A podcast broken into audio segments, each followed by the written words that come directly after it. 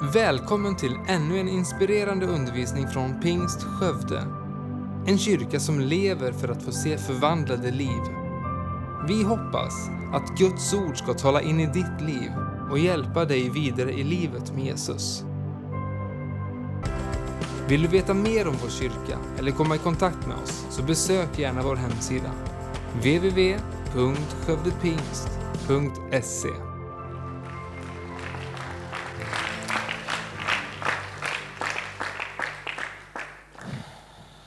Tack Agne, det där var en perfekt sång för vårt tema idag. Är Jesus din kung? Kände ni majestätet och makten i sången? Vi ska se en film, ni är redo där nere va? Ja, den är, ni ska få lyssna till en, en sån här predikant som man bara kan eh, ha önskedrömmar om att man kunde predika som honom. En man som heter Lockridge i USA för länge sedan som höll en fantastisk predikan om Jesus som kung. Och vi ska få höra ett inslag. Kan du inte engelska så får du bara liksom vara bedjande och njuta. Ni som kan engelska, var redo. Varsågoda, kör filmen. The Bible says, My king is the king of the Jews. He's the king of Israel. He's the king of righteousness. He's the king of the ages. He's the king of heaven. He's the king of glory. He's the king of kings. And he's the Lord of lords. That's my king. I I wonder, do you know him? My king is a sovereign king. No means of measure can define his limitless love. He's enduringly strong. He's entirely sincere. He's eternally steadfast. He's immortally graceful. He's imperially powerful. He's impartially merciful. Do you know him? He's the greatest phenomenon that has ever crossed the horizon of this world. He's God's son. He's a sinner's savior. He's the centerpiece of civilization. He's unparalleled. He's unprecedented. He is the loftiest idea in literature. He's the highest personality in philosophy. He's the fundamental doctrine of true theology. He's the only one qualified to be an all sufficient Savior. I wonder if you know him today. He supplies strength for the weak. He's available for the tempted and the tried. He sympathizes and he saves. He strengthens and sustains. He guards and he guides. He heals the sick. He cleanses the lepers. He forgives sinners. He discharges debtors. He delivers the captive. He defends the feeble. He blesses the young. He serves the unfortunate. He regards the aged. He rewards the diligent. And he beautifies the meek. I wonder if you know him. He's the key to knowledge. He's the wellspring of wisdom. He's the doorway of deliverance. He's the pathway of peace. He's the roadway of righteousness. He's the highway of holiness. He's the gateway of glory. Do you know him? Well, his life is matchless. His goodness is limitless. His mercy is everlasting. His love never changes. His word is enough. His grace is sufficient. His reign is righteous. And his yoke is easy. And his burden is light. I wish I could describe him to you. Yes, he's indescribable. He's incomprehensible. He's invincible. He's irresistible. You can't get him out of your mind. You can't you can't get him off of your hand. You can't outlive him and you can't live without him. Well, the Pharisees couldn't stand him, but they found out they couldn't stop him. Pilate couldn't find any fault in him. Herod couldn't kill him. Death couldn't handle him. And the grave couldn't hold him. Yeah! That's my king. That's my king. Amen. Och man kunde säga, gå hem nu och säga att det var bra i kyrkan idag. Vi ska slå upp våra biblar till Apostlagärningarna 17. Mitt tema idag är är Jesus din kung? Apostlagärningarna 17, vi ska läsa vers 5 till 7. Vers 5 till 7. Innan vi läser, låt oss be tillsammans. Fader Gud, i Jesu namn, vi ber till dig. Vi ber att eh, dina ord ska bli hörda här idag genom den helige Andes kraft. Vi öppnar våra hjärtan, våra öron. Ge oss en uppenbarelsens ande, upplys våra hjärtans ögon så att vi kan se det du vill visa. Vi ber att det inte ska vara människors ord här idag. Vi har inte kommit för att söka någon människa. Vi vill höra från dig. Åh, vi ber att du förhärligar Jesus här idag. Åh, gör honom stor. All ära tillhör honom. I Jesu namn. Amen. Apostlagärningarna 17, vers 5 till 7. Så står det följande. Men judarna blev avundsjuka och tog med sig en del löst folk från gatan och ställde till upplopp och oroligheter i staden. De stormade fram mot Jasons hus och sökte efter Paulus och Silas och ville föra ut dem till folkmassan.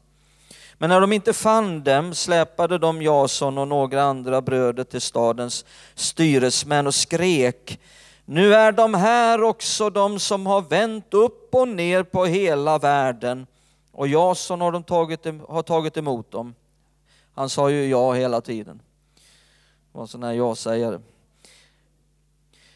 De handlar alla mot kejsarens påbud och säger att en annan, en som heter Jesus är kung. Jesus är kung. Det är ingen fråga. Så är det. Frågan är, är Jesus din kung? Och innan vi går vidare här idag så, så behöver vi reda ut först, vad är en kung då? Ja, eh, eh, man skulle ju kunna tro att en kung är en väldigt välbetald modell för frimärken och mynt. Eh, vi lever i en värld där kungar, de har ingen egentlig makt i vår tid. Eh, I Sverige så har vi en kung och han har en väldig status och ära, men eh, han har ingen egentlig makt. Men människor i hela vårt land kommer gärna ut och viftar och vinkar åt kungen och hurrar för kungen och sjunger för kungen och O Carl Gustav, eller vad är det man brukar sjunga för honom? Jag glömmer aldrig, jag liksom, det sitter i sen jag var liten där. O Carl Gustav, ljuva Carl Gustav. Så människor gillar att komma ut och fira kungen och hurra och, och, och men han har ju egentligen inget inflytande på deras liv. Och det ledsamma är om man förhåller sig till Jesus på samma sätt som kung. Att man eh, kommer gärna ut och viftar och lyfter händer och hurrar och Jesus tycker man, ja men det är en praktfull kung. Och vi hurrar för Jesus och vi sjunger med och tycker att Jesus han är bra men han har ju egentligen inte så mycket inflytande över ens liv. Så nu när vi ska tala om är Jesus din kung, då behöver vi tänka oss tillbaka till en tid då kungar verkligen hade makt. För när Jesus kom till jorden då var detta en av huvudsakerna, att hans kungamakt skulle etableras. Eh, att hans rike skulle eh, få fäste. Och från vaggan till graven så var detta i fokus i Jesu liv. Vad sa de vise männen redan vid vaggan? Var är judarnas nyfödde, vadå? konung. Var är konungen? När han red in i Jerusalem i slutet av sitt liv så red han in som konung. Pilatus frågade, är du judarnas konung? Och vad stod det på skylten ovanför hans huvud på korset? Jesus från Nasaret, judarnas konung. Eh, när Jesus eh, undervisade så var eh, himmelriket hela tiden ett huvudtema. Hur hans rike fungerar. I liknelserna så refererade han hela tiden till sig själv som kung och förklarade att eh, det kommer en tid då mitt rike ska bli synligt och råda över hela världen. Men redan nu finns mitt rike invärtes i Guds rikesmedborgarna och är närvarande där dessa Guds rikesmedborgare finns. Och då är ju frågan, är du en medborgare i hans rike? Det är nämligen omöjligt att vara en medborgare i Jesu rike utan att erkänna honom som kung.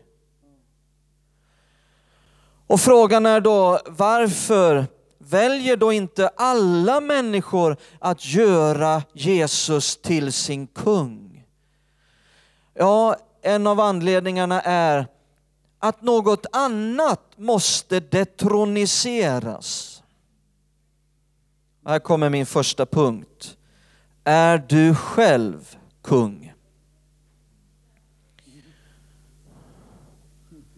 Är du själv kung? Titta här i Lukas 23. Lukas 23. Så läser vi från vers 38. Lukas 23 och 38.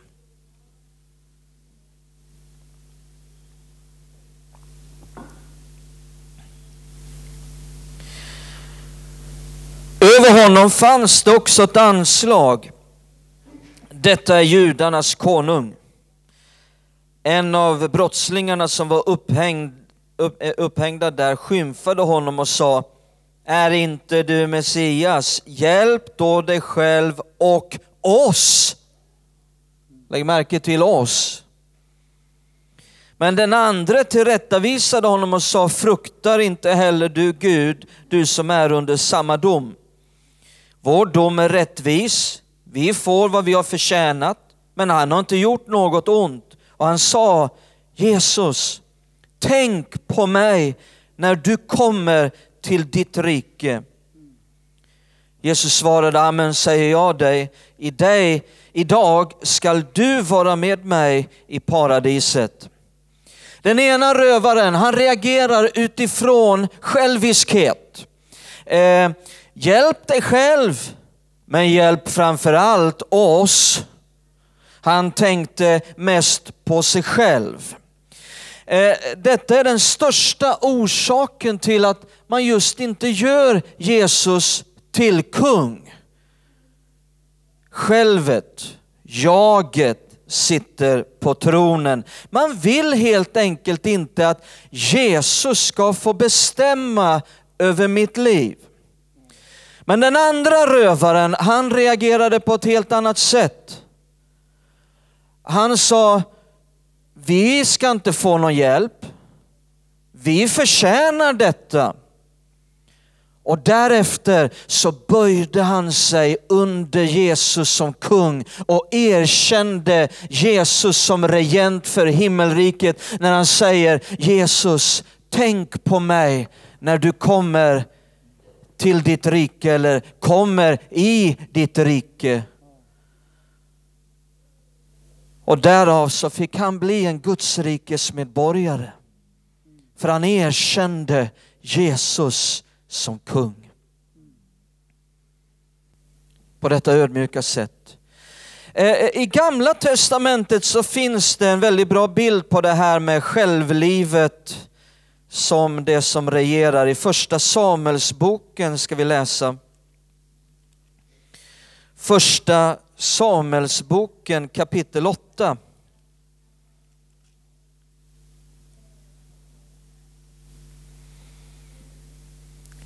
Så läser vi från den fjärde versen. Vers 4. Då samlades alla de äldste i Israel och kom till Samuel i Rama, profeten Samuel, och sa till honom, du är gammal och dina söner vandrar inte på dina vägar. Och sätt nu en kung över oss till att styra över oss så som alla folk har. Det var i Samuels ögon ett dåligt förslag när de sa, ge oss en kung till att styra över oss. Och Samuel bad till Herren. Då sa Herren till Samuel, lyssna till folket i allt de säger till dig, ty det är inte dig de har förkastat, utan det är mig de har förkastat, så att jag inte ska vara kung över dem. Och här ser vi nu eh, eh, eh någonting väldigt eh, en bra bild på detta med hur självlivet vill gärna få vara det som ska regera och styra. De här människorna här i gamla testamentet, Israels folk, de ville ha en kung. Men Gud ville ju att han själv skulle vara deras kung. Men de förkastade detta, att Gud skulle vara kung. Och så säger de, vi vill att någon bland oss själva, bland oss själva ska vara kung. Det är en väldig bild på, på självlivet, hur det vill vara på tronen. Eh, en anledning här, det var att man ville vara lik alla andra folk. De säger det här. Ja men alla andra rika riken och folk, de har ju kungar. Varför skulle inte vi kunna vara som alla andra? Var deras anledning. Ja, man kan ha genomtänkta anledningar varför Jesus inte ska vara kung och kanske en av de främsta anledningarna är just detta att man vill vara som alla andra. Det finns ju en risk att man inte är som alla andra om Jesus får börja bestämma. Min andra punkt här är om, om Jesus är din kung, vandrar du i sanning? Frågan är, är Jesus din kung? Johannes 18 ska vi läsa vad Jesus säger. Johannes 18, vers 33.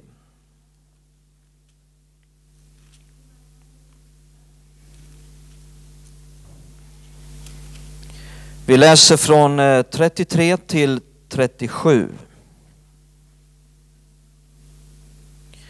Pilatus gick tillbaka in i pretoriet och lät kalla fram Jesus och frågade, är du judarnas konung?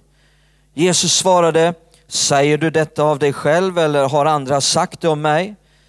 Pilatus svarade, jag är väl inte jude, ditt eget folk och översteprästen har överlämnat det åt mig. Vad har du gjort? Jesus svarade, mitt rike, lyssna nu vad Jesus säger, mitt rike. Han talar om sitt rike. Mitt rike är inte av den här världen. Om mitt rike vore av den här världen hade mina tjänare kämpat för att jag inte skulle bli överlämnad åt judarna. Men nu är mitt rike inte av den här världen. Pilatus sa, du är alltså en konung. Jesus svarade, du säger själv att jag är en konung. Ja, för att vittna om sanningen, för att vittna om sanningen är jag född och därför har jag kommit till världen. Var och en som är av sanningen lyssnar till min röst. Där stod han med söndertrasad rygg. Han såg inte direkt ut som en kung. Hans krona var inte av guld, den var av törnen, av taggar. Och så säger han, mitt rike är inte av den här världen. Med andra ord, mitt rike är inte likt riken i den här världen. Mitt rike fungerar på ett annat sätt. Och på så många sätt är Jesu rike tvärtom mot riken i den här världen. Ni ska få lyssna på ett citat av Napoleon. Napoleon eh, sa så här, ju mer jag studerar världen, ju mer övertygad är jag om hur omöjligt det är att med tvång skapa något som varar. Alexander Caesar, eh, Karl den store och även jag själv har grundat imperium. Men vad de är beroende av, det är att de är beroende av tvång. Men Jesus Kristus byggde sitt imperium på kärlek. Och in till denna dag är miljoner villiga att dö för honom. På så många områden är Jesu rike motsatsen till riken i den här världen. Som att vända andra kinden till, som att gå en extra mil, eh, som att eh, den är störst i riket som är de andras tjänare. Och i det här sammanhanget som vi läste här nu så pekar Jesus på någonting som är väldigt markant för hans rike och det är sanning. Att sanning råder. För vi lever i en värld med riken och regeringar och där man till sist börjar känna, vem i hela världen kan man lita på? Har du känt så någon gång? Man börjar, ibland så kan man känna, finns det någon regering överhuvudtaget någonstans i den här världen som inte smusslar och mörkar det som annars skulle bli skandaler om det kom fram? Bibeln gör tydligt att det finns ingen seger och frihet utan sanning. Jesus sa, sanningen ska göra er, vadå? Fria. Det vill säga, ju mer sanning och ljus du lever i, desto mer frihet kommer du att leva i. Om det funnits någonting i ditt liv, kanske en bundenhet som du har hållit dold under lång tid. Men när du sedan inte längre döljer detta utan släpper fram det i ljuset och kanske bekänner det för någon som du har förtroende för, då tappar den här bundenheten sin kraft. Så länge saker hålls i mörker, så länge behåller det en kraft över människor. Men när saker får komma fram i ljus så förlorar det ofta sin kraft direkt. Och därför visar Bibeln på den tydliga vägen till frihet och seger att det går via bekännelse och full sanning. Jag läste om en man, han eh, skrev till Skatteverket och i brevet till Skatteverket så, så stod det, kära Skatteverket, jag kan inte sova om nätterna. I den senaste inkomstdeklarationen så ljög jag. Så härmed sätter jag nu in 2000 kronor på ert konto. Och kan jag fortfarande inte sova så sätter jag in resten.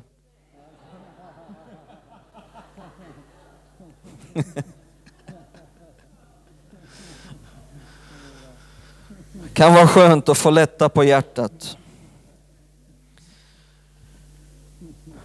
Men på samma sätt som sanningen gör fri så binder lögnen. På samma sätt som Bibeln säger att Jesus är sanningen, på samma sätt säger Bibeln att eh, djävulen är lögnens fader. Se upp med lögnen. Går du och bär på lögn? Eller kanske ännu värre, sprider lögn. Sprider halvsanningar, lever i förvridningar av sanningen. Lek inte med lögnen. Det finns få saker som kan så fullständigt binda och förstöra en människas liv som lögnen. Jesus vill få vara din kung och att eh, sanningen ska få göra dig fri. Min sista punkt här är, när Jesus är din kung vänder du upp och ner på hela världen. Du blir en world changer, en world shaker. Titta här vad det stod i Apostlagärningarna 17. Vi ska läsa det här bibelstället igen. Som vi läste inledningsvis. Apostlagärningarna 17, vers 5 till 7. Apostlagärningarna 17, vers 5-7 igen. Men judarna blev avundsjuka och tog med sig en hel del löst folk från gatan och ställde till upplopp och oroligheter i staden. De stormade fram mot Jasons hus och sökte efter Paulus och Silas och ville föra ut dem till folkmassan. Men när de inte fann dem släpade de Jason och några andra bröder till stadens styresmän och skrek, nu är de här också, de som har vänt upp och ner på hela världen. Och jag som har tagit emot dem. De handlar alla mot kejsarens påbud och säger att en annan, en, en som heter Jesus är kung. Ser ni hur det hänger ihop? Att Jesus är kung och vi vänder upp och ner på hela världen. För Jesus han sa så här, har ni märke till det? Mitt rike är inte av den här världen. Mitt rike är inte av den här världen. Och på grund av att hans rike inte är av den här världen och om han får regera i ditt liv, då kommer du att bli betraktad som en som vänder upp och ner på hela världen. Paulus och Silas som vi läser om här, de hade i kapitlet innan så hade de varit i Filippi. Och i Filippi så hade de vänt upp och ner på ett fängelse. Så att fängelset var inte längre ett fängelse utan en församling. Och fångvaktaren, han var inte längre fångvaktare, han var föreståndare. Och istället för att vakta på fångarna så vakade han över fåren.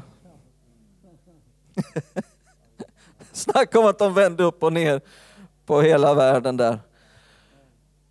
Men, men, men egentligen nu, låt oss stanna upp. Det var ju faktiskt inte så att Paulus och Silas vände upp och ner på hela världen. De vände bara rätt på världen.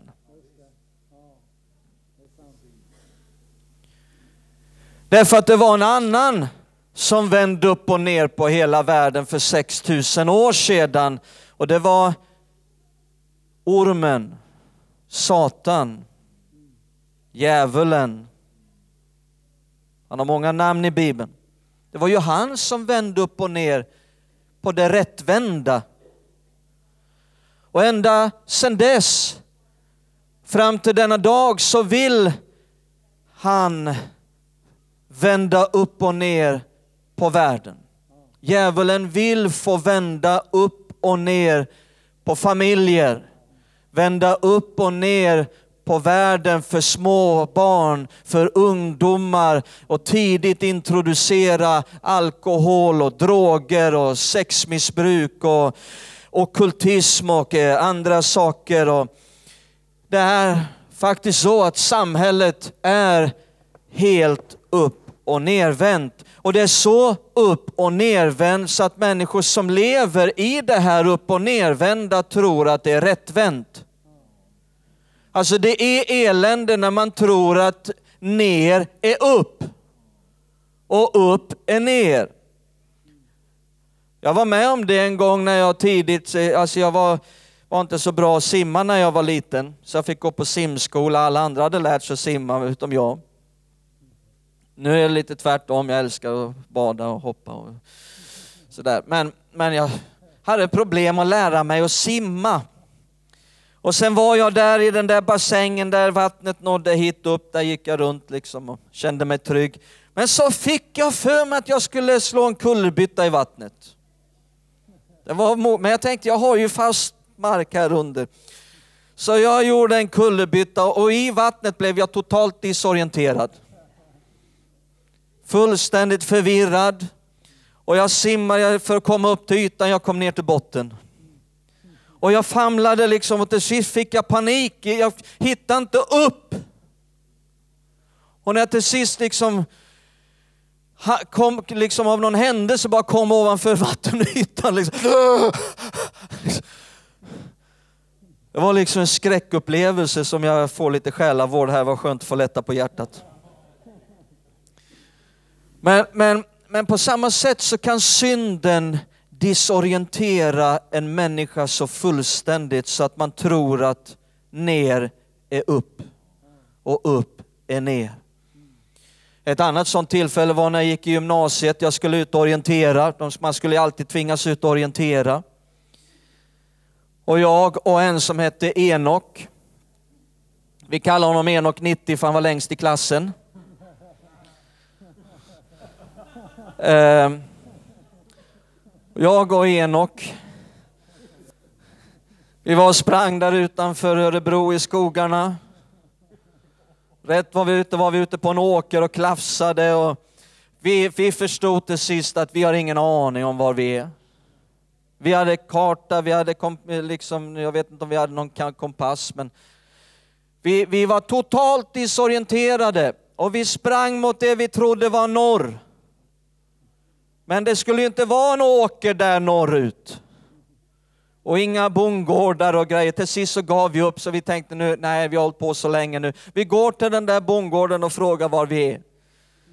Så vi gav oss över fältet där, kommer fram till bondgården, där så gick det någon grusväg. Där kom det en man gående med en cykel. Så vi sa, han vet nog säkert var vi är. Så vi sa, vi är ute och orienterar. vet du var vi är?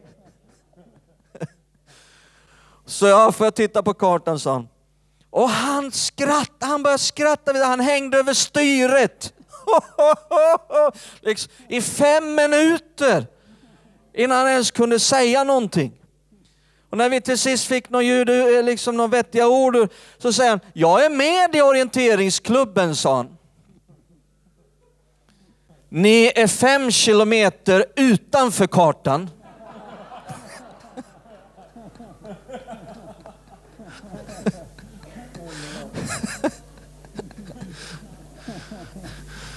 Nu tycker jag pojkar att ni följer vägen här ut till den stora vägen och så sväng, går ni höger där och så följer ni stora landsvägen en bra bit. Och, och då kommer ni till sist orienteringsstugan. Jag har aldrig orienterat efter det. Det är ett elände när man tror att söder är norr. Att upp är ner. Och det Jesus kom för att göra är att allt ska börja vändas rätt. Och det är det som han vill att vi ska hålla på med. Att vända rätt på en upp och nervänd värld. Ska vi stå upp tillsammans? Tack för att du lyssnat. Titta gärna in på vår hemsida www.skövdepingst.se för att få veta mer om oss. Och glöm inte att du alltid är välkommen till vår kyrka